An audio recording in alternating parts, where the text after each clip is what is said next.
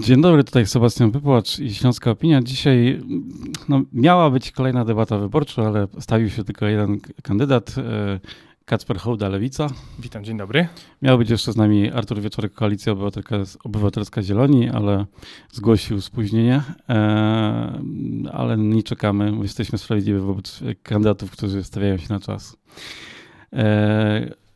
Lewica, e, zapewne też jakaś perspektywa młodych, e, ewentualnie w, w Sejmie. E, jaka jest taka najważniejsza rzecz, która powinna się wydarzyć po wyborach, jeżeli Kacper Hołda zostanie posłem?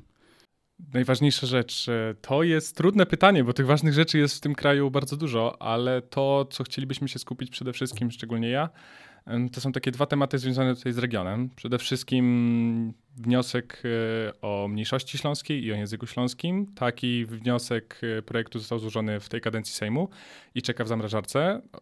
Nie spodziewam się, żeby pani marszałek Witek była skora go wyciągnąć i poddać pod głosowanie, a nawet jeżeli, no to większość pisowa nie będzie za, bo tak jak wspomniał pan Jarosław Kaczyński w 2010 roku, że mniejszość śląska jest to opcja niemiecka i tak dalej uważani niestety jesteśmy. A druga kwestia to oczywiście czas przeprowadzić tutaj dla tego regionu, ale dla całej Polski transformację energetyczną, taką porządną z prawdziwego zdarzenia. I my mamy na to pomysł, mamy na to projekty, wiemy jak to zrobić. Tylko musimy być w większości sejmowej w przyszłej kadencji Sejmu, żeby to y, zrobić i żeby spełnić nasze obietnice wobec wyborców i tego i nasz plan, jaki mamy. To, tą dyskusję o transformacji zaczynam z wszystkimi kandydatami. Od tego pytam, czy umowa społeczna, która została zawarta i w teorii jest respektowana, e, czy e, ten termin zapisany w umowie społecznej, czy w ogóle ta umowa powinna zostać tak, jak została przyjęta, czy trzeba ją renegocjować, wymyślić coś innego i rozpisać ten plan inaczej? Czy ta data 2040 rok to jest zła data na wyjście z górnictwa, czy dobre? To znaczy, data na wyjście z górnictwa najlepsza była wczoraj, a yy, druga najlepsza jest dzisiaj, yy, tak mówiąc kolokwialnie, jeżeli chodzi o samo górnictwo. No ale musimy pamiętać oczywiście o osobach pracujących i to jest ta cała kwestia, która jest najbardziej tutaj y, drażniąca w tym temacie. I oczywiście musimy pamiętać o tych wszystkich 66 osoba, tysiącach osób, które mniej więcej pracują w polskim górnictwie. Warto nadmienić, że ta liczba się też zmniejszyła, bo w zeszłym roku było to 77 tysięcy, więc widzimy, że ta tendencja jest spadkowa. Czy ta data jest odpowiednia? Moim zdaniem powinniśmy rzeczywiście przyspieszyć ten okres dekarbonizacji e, z zachowaniem e, miejsc pracy a, oraz przekwalifikowaniem ludzi, którzy aktualnie pracują, ponieważ to nie jest y, trudne wydarzenie i naprawdę kraje europejskie pokazały, że jesteśmy w stanie to zrobić. Ta umowa społeczna powinna być renegocjowana ponieważ e, wiemy, że w taki sposób, jak ona została zapisana teraz i jak rząd e, Prawa i Sprawiedliwości podpisał się pod tą umową, ona nie jest ani dobra dla Polski, jeżeli chodzi o przyszłe koszty emisji CO2 oraz polską energetykę, ale też nie jest dobra dla górników i rodzin górniczych. Dlatego my uważamy, że należy ją renegocjować, tylko należy ją renegocjować w sposób otwarty i mówić o tym, jak jest, a nie próbować tworzyć narrację wokół tego, jak wygląda polskie górnictwo. Bo jak ja słyszę hasła o tym, że mamy węgla na 200 lat i że w ogóle powinniśmy wydobywać i nie zamykać kopalń, no to to jest nonsens, bo musimy sobie odpowiedzieć, że po pierwsze węgle, węgiel w Polsce może jest na 200 lat, ale po pierwsze jest nierentowny w wydobyciu, a po drugie jest niebezpieczny w wydobyciu. Nie mówię już o później o handlu emisji czy o tym, jak ten węgiel jest wykorzystywany, ale skupmy się na tych dwóch podstawowych rzeczach. To znaczy, w Polsce węgiel wydobywamy już na takich głębokościach, że jest on, tak jak wspomniałem wcześniej, drogi, e, ale również niebezpieczny. W zeszłym roku mieliśmy tragiczne wydarzenia, w tym roku mieliśmy tragiczne wydarzenia w kopalni Pniówek po Wojicach. E, I jeżeli mówimy o transformacji energetycznej i odejściu ludzi z kopalń, to mówimy o tym, żeby My nie mówimy o tym, żeby zabrać ludziom pracę i wyrzucić ich na bruk, tylko żeby tym ludziom zaoferować bezpieczniejsze miejsca pracy. Bo jeżeli przedstawimy to w ten sposób i tak o tym mówimy na lewicy, że to są, że te miejsca, w których teraz pracujesz są niebezpieczne, bo wszyscy o tym wiedzą, chociażby teraz toczy się proces w sądzie o wybuchach metanu i o osobach, które były za to odpowiedzialne, i słyszymy o tym, że mokrymi szmatami były zakrywane czujniki metanu po to, żeby wykazywać mniejsze wartości, ponieważ trzeba było wydobywać, no to wszyscy wiedzą, że nikt w takim środowisku nie chce pracować. Więc my mówimy o tym, żeby tych ludzi z podziemi wyciągnąć i nie, nie wozić ich tam e, tak na, do nie bardzo niebezpiecznej pracy. I jak pokazuje przykład innych krajów, możemy tych ludzi, tak samo w Polsce bardzo mocno rozwija się branża OZE, panele, panele fotowoltaiczne czy też wiatraki i to widzimy, że ty, tych miejsc pracy jest i dla tych ludzi jest przekwalifikowanie się.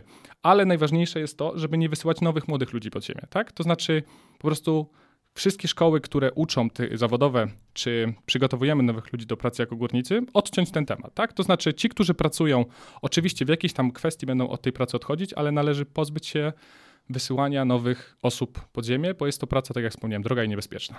E, gdyby tu był kandydat e, Koalicji Obywatelskiej e, i Zielonych w nawiasie, to pewnie powiedziałby, zgodziłby się z tym OZE, ale czy to OZE jest wystarczające dla i gospodarki, i energetyki?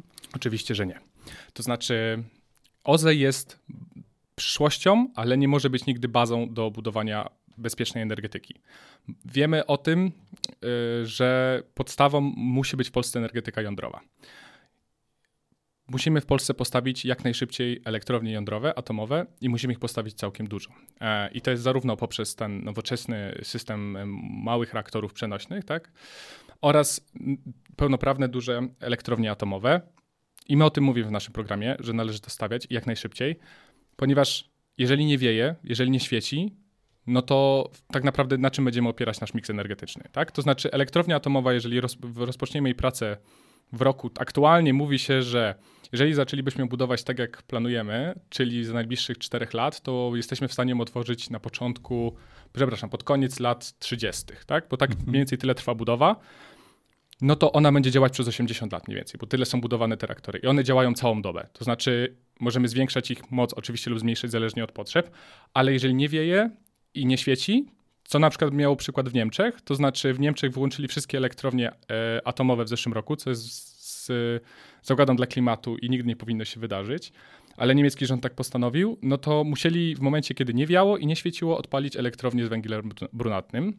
I u nas podstawą do energetyki musi być elektrownia atomowa, ponieważ one wytwarzają, tak jak wspomniałem, energię całym, całą dobę, cały czas i nawet w tych regionach suszy yy, energetycznej z OZE, to musimy mieć jakąś podstawę do tworzenia energii elektrycznej. Mhm.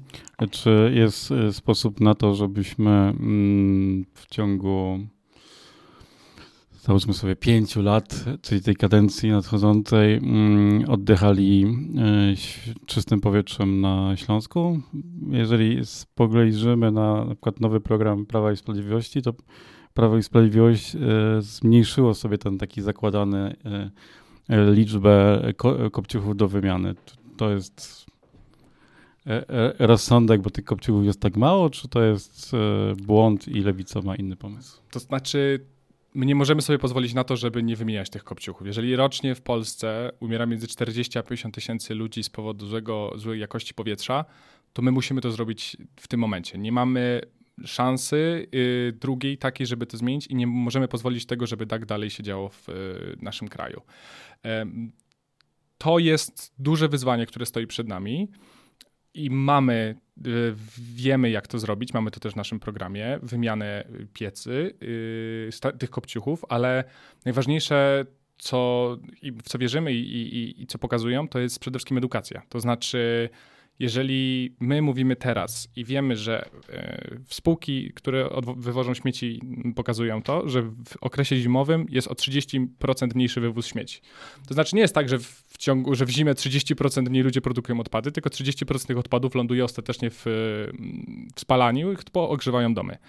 I oczywiście ludzie nie palą tymi śmieciami dlatego, że chcą, tylko dlatego, że nie mają na to pieniędzy, bo rząd Prawa i Sprawiedliwości przez ostatnie 8 lat nie zrobił nic, żeby zabezpieczyć ludzi w ten sposób.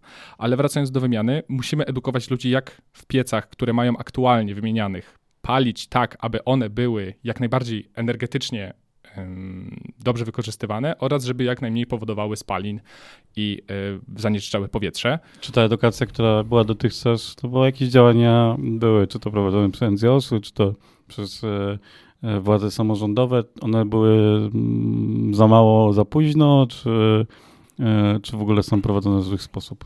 Za mało, za późno i w, zbyt wąskim zakresie. To znaczy, dzieci w szkołach powinny być o tym uczone od najmłodszych lat. E, powinny być, ludzie powinni być edukowani e, przez te, w telewizji, tak? To znaczy ja nie widziałem, żeby w polskiej telewizji przez ostatnie, szczególnie publicznej, e, były na przykład programy, którym tłumaczą tak, jak spalić ekonomicznie i, i że nie należy palić śmiećmi, tak, tak dużo jak kanałów o tym, dlaczego żyjemy w wspaniałym kraju i dlaczego żyje się nam tak pięknie. Mamy drogi dotarcia, gazety lokalne również mogą być wykorzystywane, telewizja publiczna powinna być wykorzystywana, powinny być w szkołach zajęcia dla dzieci, ponieważ no, jeżeli przyjdzie dziecko, które nauczy się w szkole tego, mamo, tato, y, mówili mi na zajęciach, jak należy korzystać i dlaczego nie należy palić śmieci, i potem takie dziecko, e, do takiego dziecka, do takiego, przepraszam, e, ojca przyjdzie dziecko i powie, tato, dostałem taką lotkę, tego się dowiedziałem, dlaczego ty palisz śmieci, tak? To, to, to, to pytanie tak naprawdę no, nic nie trafi do e, ojca niż, niż, niż taka wiadomość, więc tego było za mało, tego było, to było źle przeprowadzone i musimy jak najszybciej to zmienić. To e, pytanie jeszcze e, spoza tej kategorii, o której teraz rozmawiamy, ale które trochę ciśnie na usta i też o tym rozmawialiśmy na Śląskiej Opinii przy okazji prezentacji programów wyborczych. Wielu komentatorów ma takie zarzuty do lewicy, że ma właściwie program tylko dla kobiet, albo tylko ten program eksploduje. Jest tutaj przedstawiciel męski lewicy. Więc... Tak, to znaczy ja się kompletnie z tym tą tezą nie zgadzam mhm. i już tłumaczę dlaczego. Ponieważ rozwiązania, które my dajemy na stół i pokazujemy wyborcom, one dotyczą wszystkich. To znaczy nasz program tanich mieszkań na wynajem dotyczy nie tylko kobiet, tylko dotyczy wszystkich ludzi, których chcemy, chcemy ich uposażyć w własny kąt, które będą mogli mieszkać po przystępnej cenie.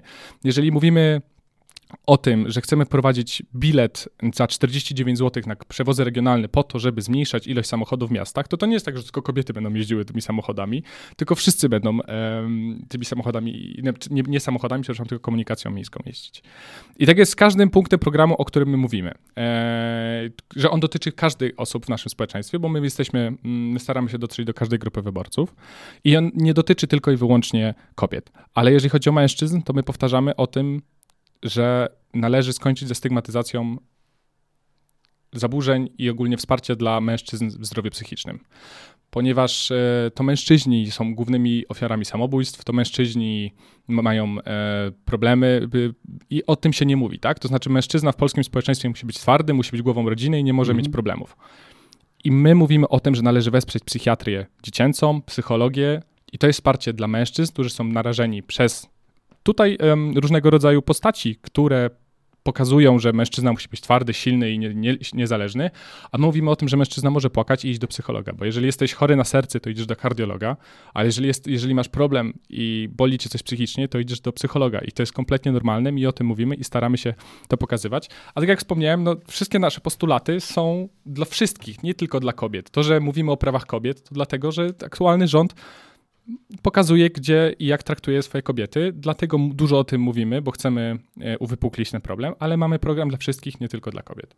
E, w, w sobotę e, w Katowicach odbędzie się zapewne konwencja Konfederacji. Niestety. Czy protesty wobec tego grupowania powinny się odbywać, czy powinniśmy, czy osoby, które są oburzone, powinny ignorować całą sytuację?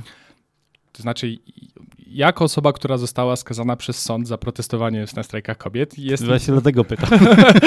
jestem, dokładnie, jestem zwolennikiem tego, żeby można było protestować przeciwko y, wszystkiemu, tak? Oczywiście w granicach rozsądku mhm. i w granicach dobrego y, smaku, bo no, dla mnie jest niegodnym i że wydarzyło się takie w trakcie pandemii, że ludzie, osoby w pasiaste y, ubrania chodzili przez ulicę Kadowic i mówili i mieli y, transparenty, prawda, że szczepienie to jest y, kolejne Oświęcim. No to to jest, to nie powinno nigdy mieć miejsca, bo to jest ujmowanie ofiarą tego zbrodniczego wydarzenia. Aczkolwiek tak, y, uważam, że powinny być, y, jeżeli ktoś e, czuje, że y, nie jest zadowolony z tego, w jaki sposób ktoś prezentuje albo ktoś organizuje wydarzenie, to ma prawo protestować. Szczególnie jeżeli prezentuje poglądy, które powiedzmy sobie szczerze, opiewają o, o y, narodowe, tak? I, I dosyć mocno kontrowersyjnej, jak, jak bicie dzieci, bo jak wyrok sądu nakazał, możemy mówić o tym, że Konfederacja to jest partia, która pozwala na bicie dzieci, więc jeżeli jest partia w Katowicach, w Spodku, która chce zorganizować swoją konwencję, a przy okazji mówi o biciu dzieci, to ludzie mają prawo protestować i nie możemy im tego zakazać. Mm, Kacper Hołda, okręg 31, miejsce. Szlachetne 22. Szlachetne 22. E, e, miał być z nami jeszcze Artur Wieczorek, też okręg 31, Koalicja Obywatelska, Kacper Hołda, e, Lewica. Dziękuję bardzo. Dziękuję Państwu bardzo. To był podcast zrealizowany przez Stian Media.